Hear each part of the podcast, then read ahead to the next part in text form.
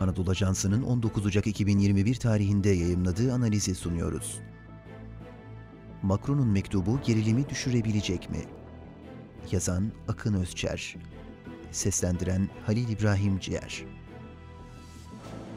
Lesekos gazetesinin eski direktörü Nicolas Beytot'un 2013'te çıkarmaya başladığı liberal eğilimli Le Pignon 15 Ocak Cuma günü dijital nüshasında Macron'un Erdoğan'a mektubu Değerli Tayyip konuşalım başlıklı bir haber analiz yayımladı.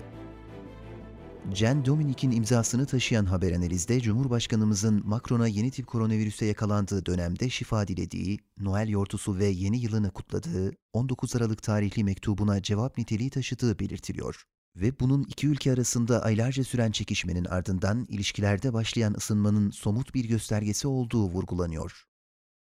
Dışişleri Bakanı Mevlüt Çavuşoğlu'nun da aynı gün medyaya açıkladığı üzere Macron'un el yazısıyla Türkçe değerli Tayyip ifadesini kullandığı, 2021 yılı için iyi dileklerini ve videokonferans yoluyla görüşme arzusunu dile getirdiği söz konusu cevabi mektubun bir arka planı var doğal olarak.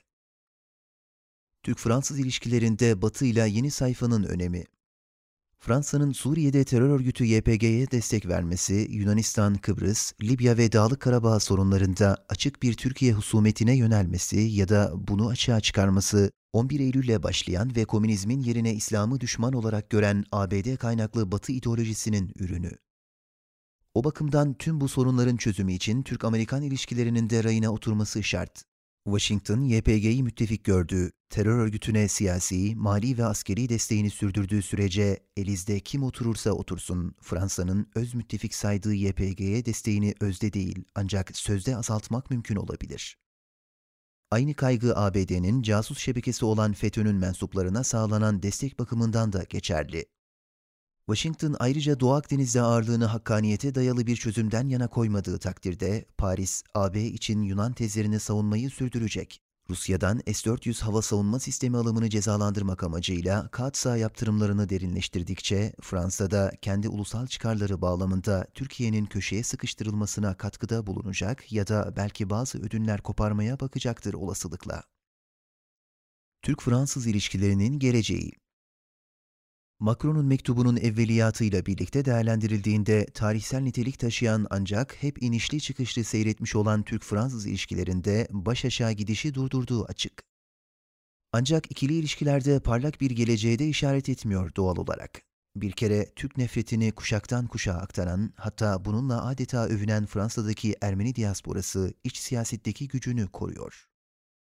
Karabağ sorunu sönümlenmiş olsa da Türk-Fransız ilişkilerinin geliştirilmesinde el freni işlevi gören diasporanın hasmane tutumundan vazgeçtiğine dair somut veriler henüz yok.